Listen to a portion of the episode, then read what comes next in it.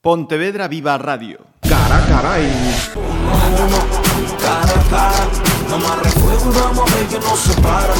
Hace unos días salió un anuncio eh, diciendo que iba a hacer un cara a cara de nuevo. Cara a cara, frente a frente. Saludos a todos.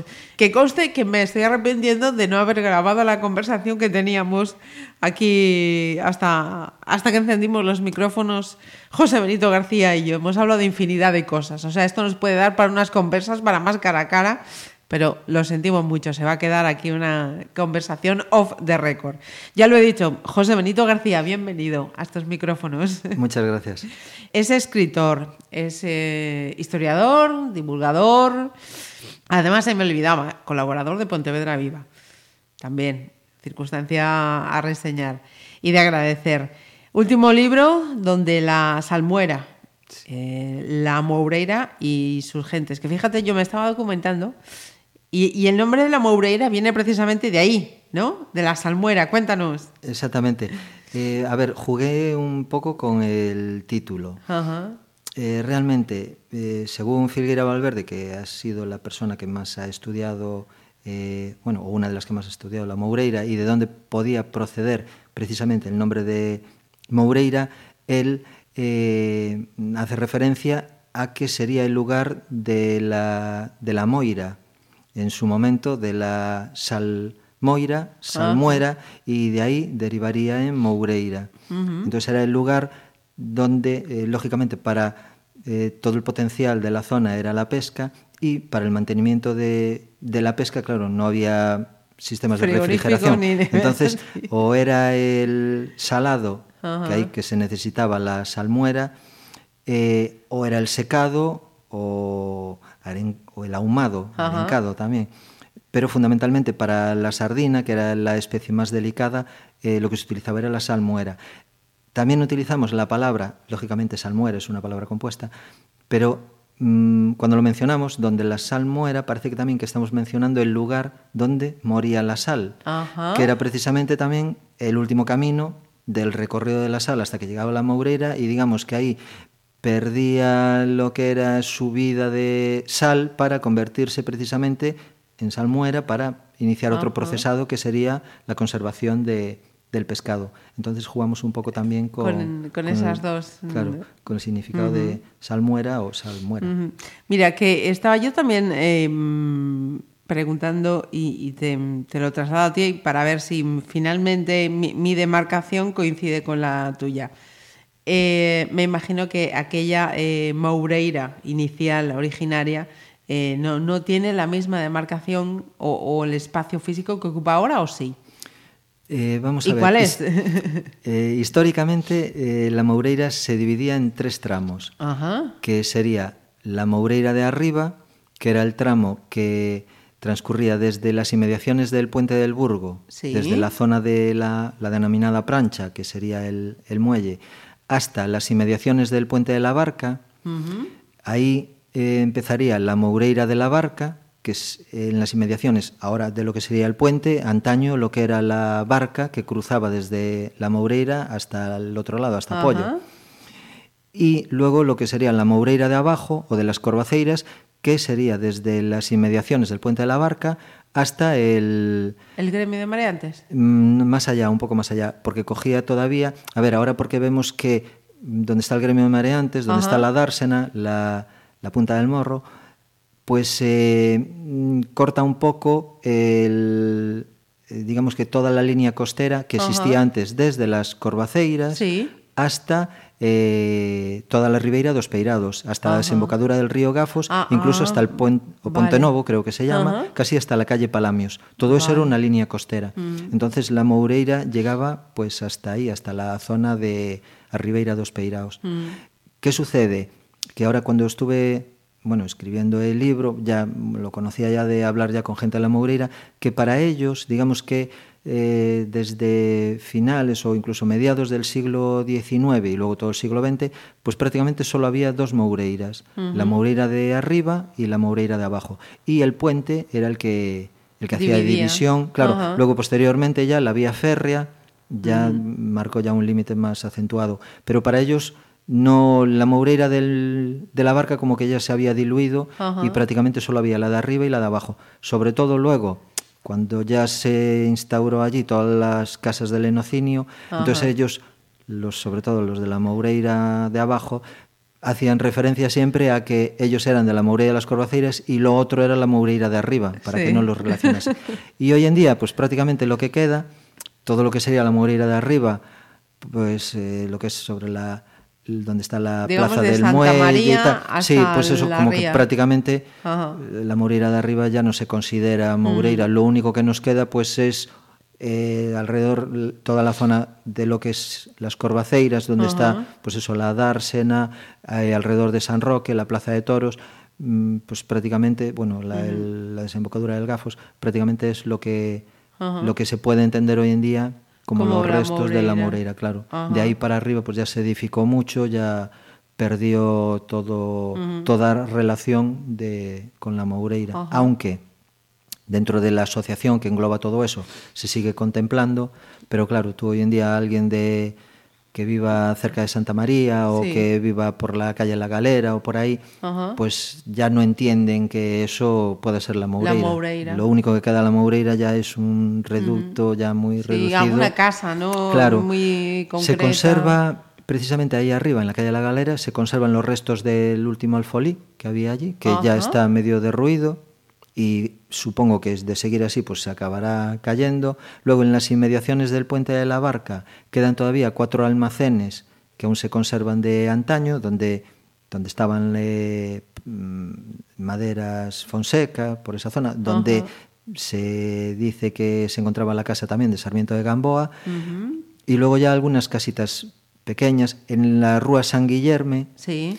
eh, sí tenemos todavía unas casitas asoportaladas, esas mm, se cree que pueden ser de algunas del siglo XVI, incluso XVI, XVII, pero luego ya alguna casita suelta que queda luego en la Ribeira dos Peiraos, pues bueno, ya están también muy rehabilitadas, Sí. ¿no? Pero bueno, es- se conservan así algunas cosas sueltas. Mira, y, y, mm, teniendo en cuenta la, la importancia que ha tenido para Pontevedra, eh, históricamente, económicamente, la zona de, la Moureira, eh, José Benito piensa que mm, eh, la historia o los sucesivos responsables de esta ciudad eh, han sido, mm, eh, a ver, ¿qué palabra utilizo? Responsables, valga la redundancia, o injustos, justos o injustos, con, con esta zona en su conservación, en su rehabilitación, o ha sido injustamente rehabilitada, tratada. No, la Moureira ha sido muy maltratada. Eh, vamos a ver, eh, entendamos que la Moureira era el arrabal de Pontevedra. Eh, como tal, hombre, no es que fuese una zona marginada, pero a la- en la Moureira, en la época, eh, desde la Edad Media, solo podía vivir única y exclusivamente la gente que estuviese relacionada con la pesca o con el mar. Eh, todo lo que tuviese que ver, pues eh, desde faenar en la ría para traer el pescado, desde todo el tratamiento del pescado, el, luego ya todo lo que serían mm, ventas de pertrechos, de los carpinteros de ribera, calafateadores, todo lo que estaba relacionado con el, Con el mar. Esas gentes vivían en el arrabal, no podía vivir nadie que no estuviese relacionado con el mismo. Y quedaba extramuros. Entonces, digamos que para los burgueses, para los que vivían dentro del burgo, como que la Moureira tampoco es que les interesase excesivamente. ¿Qué sucede? Que a medida que fue eh, escaseando la pesca, sobre todo la sardina, que era la especie que, que más se pescaba, a medida que fue escaseando y lógicamente la Moureira se fue degradando porque ya no había esas capturas voluminosas de pesca, el gremio de mareantes, que era realmente quien, quien coordinaba toda esa pesca y a todas eh, imponía su, lo que eran sus ordenanzas en toda la ría, a medida que eso fue perdiendo poder, pues eh, en el Burgo no le dieron mayor importancia. Entendían que era el arrabal, pues que sería un problema del arrabal, cuando toda la riqueza de, de Pontevedra en general Estaba provenía ahí. precisamente de la pesca. En el momento en que el arrabal empezó a decaer, la villa empezó a decaer con él. Al no haber un, un motor económico que realmente era la pesca que tirase de toda la villa, pues el Burgo también decayó y Pontevedra poco a poco pues al igual que la Moureira, lógicamente la Moureira en un proceso más sea, mucho más grave porque llegó una época en que prácticamente quedó despoblada, pero lógicamente pues la villa también se resintió de eso. Sí, y desde- desde entonces, digamos que desde que se perdió el mar, Pontevedra no hizo nada por recuperar el, ningún gobernante, ninguna época. Ajá. Entonces, en el momento que se perdió el mar, pues Pontevedra perdió todo, todo el potencial económico que podía tener. Y, lógicamente, al quedarnos, al ser un puerto fluvial, ya diferentes aspectos, ¿no? Pero entre otros también los propios sedimentos que arrastraba el río, que impedía luego que el puerto pues pudiese tener una funcionabilidad para las nuevas embarcaciones que había, que ya eran de un calado muy mucho más grande, un calado mayor, de mayor tonelaje, entonces ya no podían entrar hasta aquí. De hecho, hablando con gente de la Moureira, pues los, los últimos, las últimas motoras que, que había, que eran embarcaciones grandes que podían llevar hasta 40 tripulantes, en la última época ya no podían salir del muelle de las Corvaceiras, ya tenían que ir a embarcarse en Marín Sí. porque el calado del río no era no le permitía el que estuviesen aquí. Luego ya con los motores Pazó se pudieron hacer embarcaciones más pequeñas y aún, según estuve hablando por allí, hasta los años 80 aún estuvo, prácticamente debió de ser el último barco que, que faenaba y atracaba allí en la Moureira, debió de ser hasta comienzos de los años 80. Ya eran embarcaciones más reducidas, pero mm, en los años 40, 50, pues em, lo que eran las, las denominadas motoras ya no podían llegar hasta, sobre todo ya 50, hasta las corvaceiras porque el calado de, de la ría no, no se lo permitía. Qué actual suena, suena Todo ese eso. debate. Sí, es que al final... claro, y es que aún hoy en día, sobre lo que me estabas diciendo, eh, la Moreira sigue igual de abandonada. Incluso algunas calles no están ni asfaltadas. Y luego, es que es por toda la zona, y tampoco es que quede muy apartada, porque al lado de Arzobispo Malvar, que más o menos es una vía que además se ha hecho peatonal, está Ajá. muy bien cuidada, pues tenemos la Arrúa do, do Ouro, o Arrúa do Louro, o Arrúa da Fonte, pues que vemos allí que hay muchos solares que pues las casas al final se han ido cayendo, están bastante descuidados en cuanto a maleza. Yo no digo que sea problema de, Ajá, del ayuntamiento, pero vamos, alguien Ajá. tendrá que tomar algún tipo de medida. Y luego, Arrúa do Urco, Ajá. es una calle que la tenemos a 200 metros prácticamente de la casa consistorial y no es que esté mal conservada, es que es un pedregal. No tiene ni aceras, ni siquiera está asfaltada. Es un tramo de, de tierra. Y luego zonas que con muy poca iluminación. eh, Pues hace poco estuvimos haciendo un recorrido con la UNED por toda la zona y en la calle Nodales, que los hermanos Nodales, Ajá. que es una, digamos, de las que mejor pueden estar conservadas, pues tenía, a ver si lo solventaron ya, si no, pues aquí, si alguien me escucha, tenía, de todas las farolas solo funcionaba la del comienzo de la calle y la del final de la calle. Todo el tramo intermedio, aquello parecía la boca del lobo, vamos. Igualito que en la Edad Media, prácticamente, porque aquello no, no se veía nada. Y a Rúa do Urco, pues si alguien quiere ver cómo era Pontevedra, no sé, en los años 40, 50, puede ir hasta allí, que la calle yo creo que está talmente como se conservaba en aquella época. Está bastante descuidada. Eh, así como el centro sí se ha cuidado mucho, Sí. la Moureira está pegado, no nos estamos yendo al extrarradio, no vamos a otras parroquias que puedan quejarse de que no están atendidas y que solo nos, se centran en el casco urbano. Pero es que la Moureira está pegado al, Sí. al centro y realmente se ve una zona pues que ha quedado muy degradada y no veo yo que, que realmente pues se haga mucho por, Mm.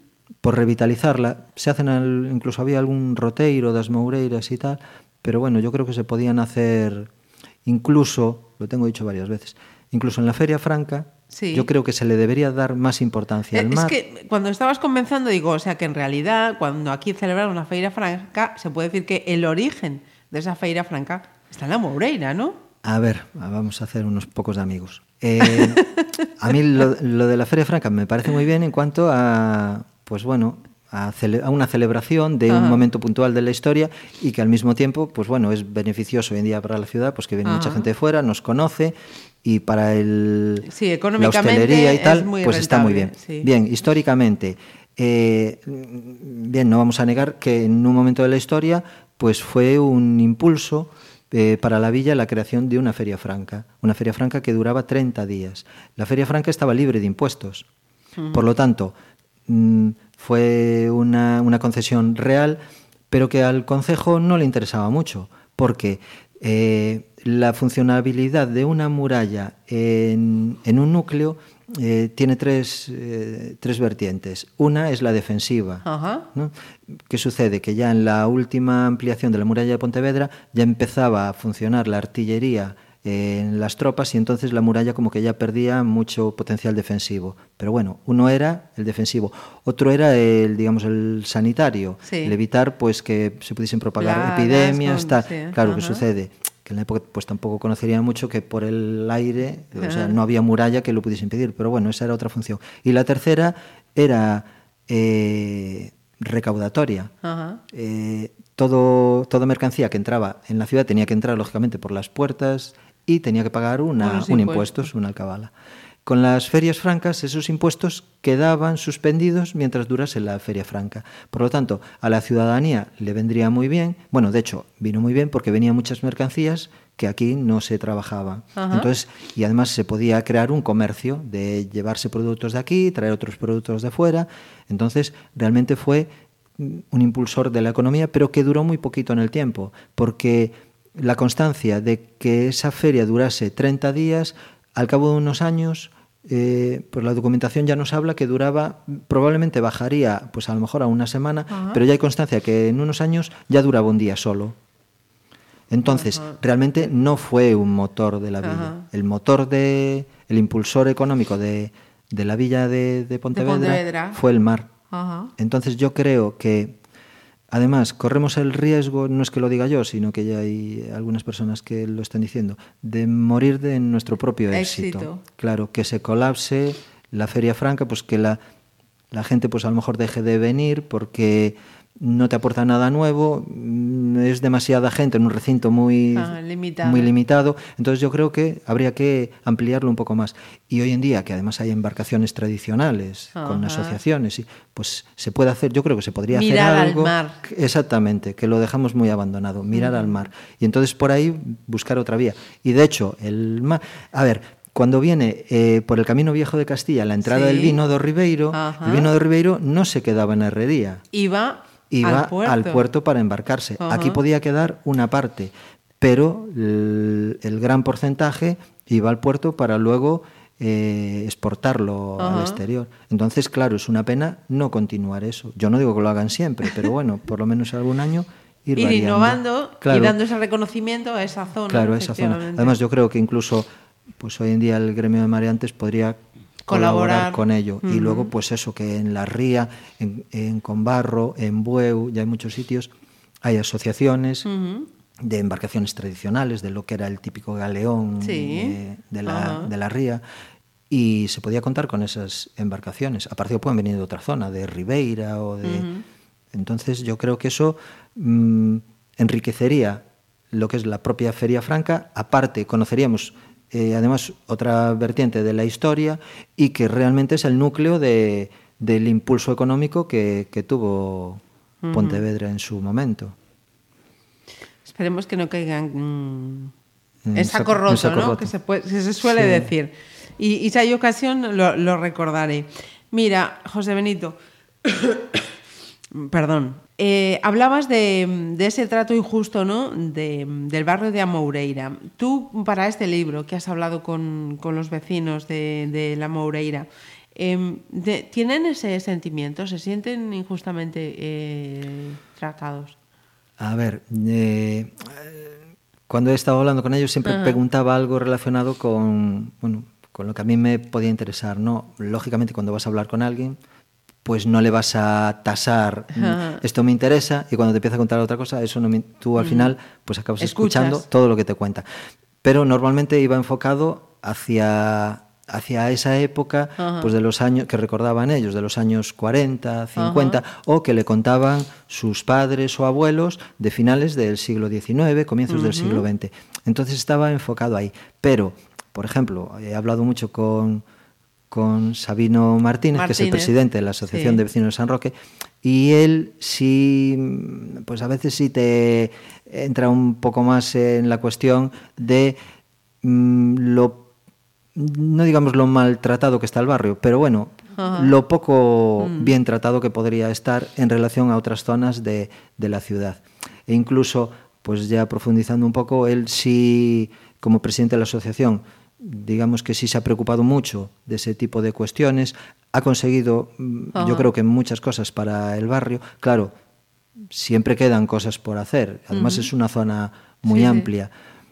Pero sí hay esa sensación, pues por ejemplo, lo que he comentado, aún hay alguna calle que está sin asfaltar. En cuanto a iluminación, pues la zona a veces es bastante paupérrima, es muy escaso. Y luego que hoy en día allí, pues no hay negocio prácticamente no hay ninguno, solo la gente que vive allí, que normalmente, sobre todo por la zona de las Corvaceiras, bueno, ahora porque han hecho un par de edificios grandes, ¿no? Pero suele ser gente mayor, Sí. muchos que llevan viviendo allí toda la vida.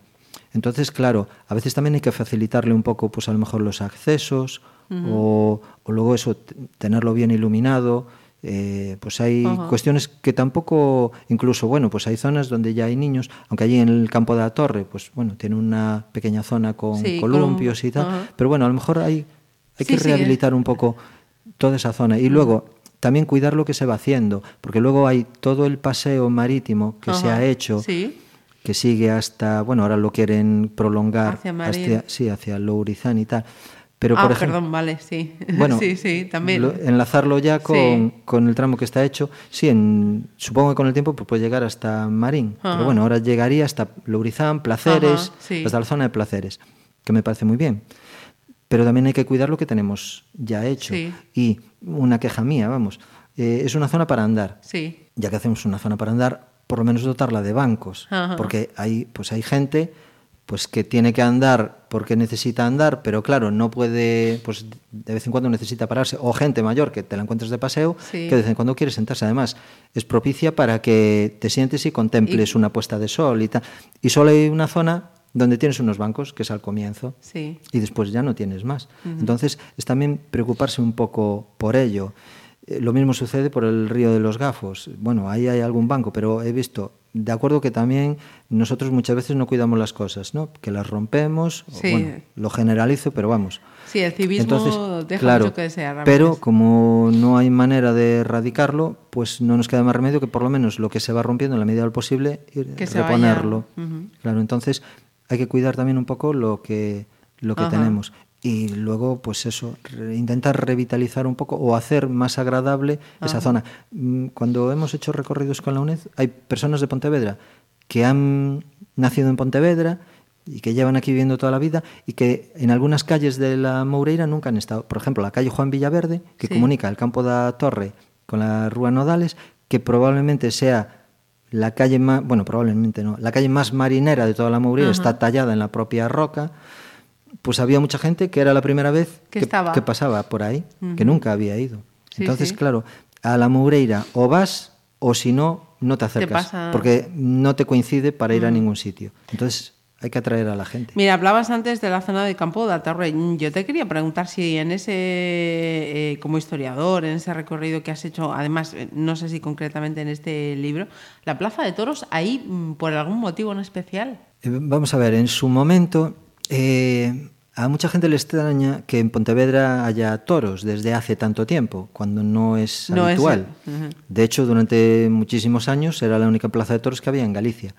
Eh, luego, bueno, en Coruña había una portátil y tal. No sé si hoy en día ya tiene un recinto fijo, la verdad que no me... No es Sí, un tema tampoco a día de hoy tampoco tiene Eh, la cuestión, pues, utilidad. cuando vinieron, eh, cuando empezaron a venir eh, los comerciantes castellanos, eh, pues eran los que traían eh, precisamente la afición a los toros. Sí. Entonces, en Pontevedra, mientras no había plaza, pues los toros se corrían pues en la Plaza de la Herrería, mayormente, o en la Plaza de la Albóndiga, se acotaban eh, la entrada de las calles y se hacía pues un pequeño coso taurino, sí. Eh, en su momento, pues eh, entre unos comerciantes y gente pues más o menos pudiente de Pontevedra, eh, se pidió permiso al ayuntamiento para construir una plaza de toros de madera donde se ubica prácticamente la de La hoy en día, la de, la, la de piedra, claro. Con el tiempo, pues poco tiempo después, porque eso fue en 1892, ocho años después, en 1900, se decidió, con unas subvenciones, bueno, eh, aportaciones de particulares y tal, pues construir ya una plaza de toros de piedra. Pero digamos que como era pues una zona que estaba, una zona más o menos amplia que se podía prestar para ello, pues se decidió construir ahí la plaza de toros. Y luego la siguiente, la de piedra, pues ya fue Ajá. ocupando el local de la, de la anterior. Que cierta polémica que hay con la plaza de toros es porque la plaza de toros es privada, está regentada. Ahora Sí, creo por que una los, empresa sí, privada, los los hermanos hermanos Lozano, pero el emplazamiento pertenece al ayuntamiento, porque la zona donde se ubicó pues era de y sigue siendo de- del ayuntamiento. Incluso cuando se edificó la plaza de toros, ya la de piedra, ese era un lugar que utilizaban los, los marineros, la, toda la gente de la mar, para eh, el cuidado y la restauración de las redes y el secado de redes. Era una zona amplia y entonces era la que utilizaban ellos. Y la, una de, mm, de los mm, de, de las condiciones que se puso cuando se construyó la plaza es que si lo- la gente de, de la mar mar. necesitaba espacio para, la- para extender las redes, se podían colgar o descolgar desde la De- fachada de la plaza de toros Ajá. y no por la empresa pues no había no había ningún problema Ajá. entonces podían utilizar la- lo que era la fachada de la plaza de toros para Colgar eh, las colgar las redes. y luego para extenderlas, eh, donde le- porque lógicamente le habían acotado el espacio. De ahí que luego más tarde, cuando se construyó a punta, la punta del morro, se utilizaba, porque era una extensión muy amplia, para el, el extender y el eh, para el secado de, de las redes. Pero bueno, la plaza, yo no sé si hay algún otro motivo, vamos, Ajá. pero yo por lo menos... Circunstancial. Sí, lo de la Plaza de Toros en un principio, pues era el lugar donde había una esplanada. Y la segunda, ya la de piedra, pues fue ocupando Ah, el, el anterior. el anterior. Y porque fue el local, a lo mejor es porque fue el terreno también que el ayuntamiento podía disponer para... Para facilitar Para ese emplazamiento. Mira, eh, decía eso, que has hablado con, con vecinos de esta zona para, para este libro. Si te pregunto por, mm, por alguien que, que te ha dejado así un huequito especial en la memoria, alguna historia así que, que te ha dejado un pozo especial. Eh, vamos a ver. Eh, bueno, no lo, lo pongo en el libro, ¿no? M- mi abuela era de la Moureira Ajá. y mi padre se crió en la Moureira. Entonces, hablando con las personas de, de la Moureira, pues muchos, en cuanto yo le hablaba de mi abuela, la conocían. La conocía. y a mi padre también lo, lo conocían. Entonces me han contado algunas cosas que eran de mi, de mi propia familia que ni yo mismo conocía. Conocía, anda. Claro. Y luego, hablando, por ejemplo, un arte de pesca que se realizaba en la ría es uno que se llama entallada. La entallada. No La lo había oído nunca. tengo que pues en la entallada se utilizaba una ensenada eh, para se cerraba con una red. eh, bueno, en el libro lo explico bastante bien. ¿no? La cuestión era que eh, eh, la entallada se utilizaba mm, fundamentalmente para la pesca del múgel. El múgel hoy en día es una especie que está muy Sí, denostada. deno- ¿no? Pero bueno, en su época, entre que el precio era bastante asequible para las clases menos pudientes, o incluso cuando eran múgeles de un determinado tamaño, entonces eso sí alcanzaban mayor valor, ¿no? Pero en aquella época, eh, pues era una especie que se consumía mucho. Y luego también se llevaba para otras zonas de Galicia, sobre todo en Santiago se vendía muy bien, se llevaba también para Vigo. Luego podían entrar otras especies. Por ejemplo, cuando entraba lubina, Sí. decían que la lubina prácticamente se llevaba toda para el mercado del Berbés, iba toda para Vigo. Ajá. Y, y, bueno, fundamentalmente era el múgel. Entonces, eh, se aprovechaba la subida de la marea. Primero, con la, mm, cuando estaba marea baja, había que colocar todo lo que era la trampa de red, se dejaba preparada, eh, se ajustaba al fondo del mar con unas piedras y con maderas. Cuando subía la marea, que era cuando entraba todo el, todo el pescado, todo el múgel, se esperaba al momento determinado que el patrón daba la orden, entonces se subía esa red, Ajá. se aupaba un metro más por encima del agua con unas, con unos, mm, unas varas, Ajá. y entonces ahí se quedaba metido en esa ensenada todo el mugel, toda la pesca. Y las redes tenían una, sal- una o dos salidas que se llamaban, eh, hay varios nombres, ¿no? Una de ellas es biturón. Unos biturones, se abría, se colocaba un copo de red, el Mugel pensaba que esa era la vía de escape, se metía ahí y a medida que el copo de red se iba llenando, se volvía a cerrar la entrada del biturón, eh, esa pesca que estaba ahí se vaciaba o se con, con salabardos, con cestos a las chalanas y se iba trayendo a, la, a las, corvaceira, a las corvaceiras. Entonces, poco a poco se iba extrayendo todo ese mugel que había quedado ahí encerrado. Todo había que hacerlo antes de que bajase de, de todo, había que hacerlo con cada marea. Sí. Entonces, ese sistema de pesca, la última que se hizo en la ría fue en el año 1954. Y eh, por lo general, eh, todas las que se hacían en la ría, o mayormente las que se hacían, eh, lo hacía la familia Panderetas, del famoso, el patriarca era don Ricardo Martínez. Y la última que se hizo era un nieto de él, que se llamaba eh, Sebastián Veloso, conocido como Corucho, que se, poco después de hablar con él, tristemente falleció. Entonces fue la persona que hizo la última entallada en la ría. Y entonces conseguí hablar con él eh, y me contó pues cómo había sido toda la entallada. Y luego, bueno, también conocí a mi familia y luego ya empezamos a hablar de otras cuestiones y realmente fue muy entrañable el, pues eso, que me hubiese, además, bueno, ya de salud no estaba muy bien, entonces me, invitó a ir a su casa, mm, vamos, íbamos a estar un, un par de horas como mucho y al final debimos de echar seis horas charlando. Y la verdad que fue, bueno, muy amable por su parte y también su familia y, y, fue muy enriquecedor enriquecedor porque eh, pues eso me explicó de primera mano pues cómo se hizo por qué se dejó de hacer y luego ya bueno cuestiones ya de su propia familia de, de pues embarcaciones que tenían, recorridos que se hacían, sí. o sea, me explicó muchas cosas. Y luego eh, un personaje que lo mencioné antes, el que sale en muchas fotografías, el típico lobo de mar, uh -huh. que es, eh, pues es el señor Ricardo Martínez, eh, conocido con el, el, tercer apellido que le llaman la Moureira, que es Panderetas, que es el iniciador de, de toda la saga. La saga.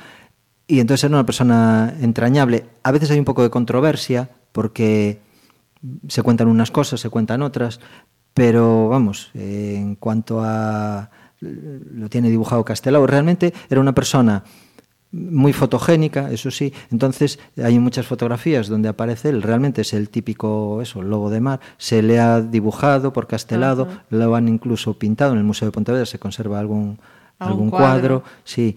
Y realmente era una persona que lo veías y en él se representaba prácticamente todo el espíritu uh -huh. marinero y, y de la Moureira. Entonces, pues es una persona entrañable. Y luego también los denominados médicos de pobres. Uh -huh.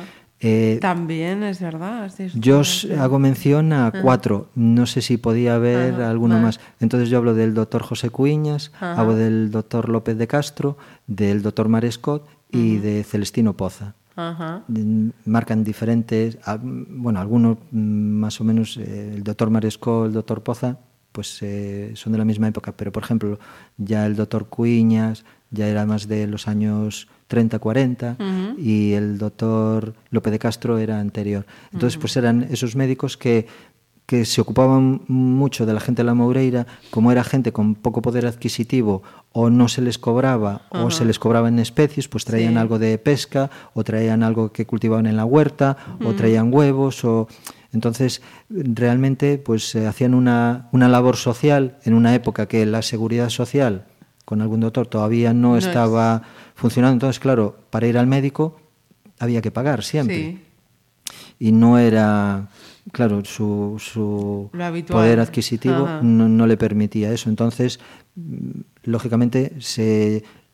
Eh, con, pues llegan, se coincidió con una serie de médicos Ajá. en distintas épocas que prácticamente iban cubriendo pues la vida de, de todas sí. las personas que le cubrían es, esas carencias y que realmente tenían pues eh, el suficiente corazón para saber que había un determinado núcleo de, de personas que, claro, que si no que si no era por por su atención, pues mm. prácticamente no la Ajá. tendrían. Entonces es también hacer hincapié en la labor que hicieron esos médicos. Uh -huh. Yo tengo hablado muchas veces también con el fallecido doctor Díaz Lema, uh -huh. que él conoció a algunos, y hablando, él también estaba muy relacionado con el tema de la Moureira, de escribir la historia. Y, Sí. y entonces, pues eso, hablando de... Él conoció muy bien a, al doctor eh, Celestino Poza y realmente, pues, te contaba, bueno, la familia Poza fue represaliada Sí, sí, en la guerra civil, incluso eh, Luis, un hermano de Celestino, fue fusilado.